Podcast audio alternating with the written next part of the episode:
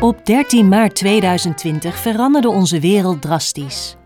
Die vrijdag de 13e kregen we door dat de ziekte COVID-19, corona in de volksmond, sportscholen zouden sluiten, theatervoorstellingen aflasten, ouders met hun kinderen alleen liet. Er is meer stof in mijn huis dan ooit. Het dwarrelt en het dwarrelt maar. Het is nooit schoon genoeg als je schoonmaker bent.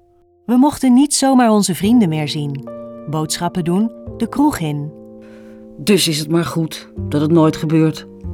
Of uitgesteld wordt door zo'n wereldziekte die niemand kon bedenken. We wisten wie vitale beroepen hadden en klapten ervoor. Kijk, ik heb geen endorfine, geen passie, geen testosteronbom, geen groepsenergie. Ik, eh, Kijk, ik hoor in de sportschool.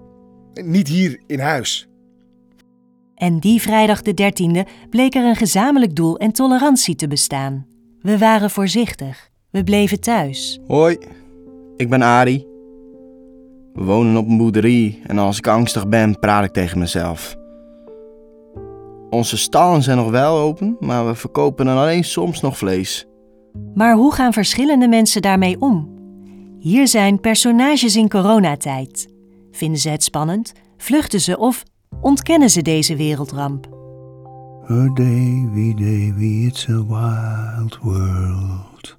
Toen waren we bijna dertig, toen het uitkwam. Dat horen we in deze podcast, waar steeds een ander personage een inkijkje geeft achter de voordeur.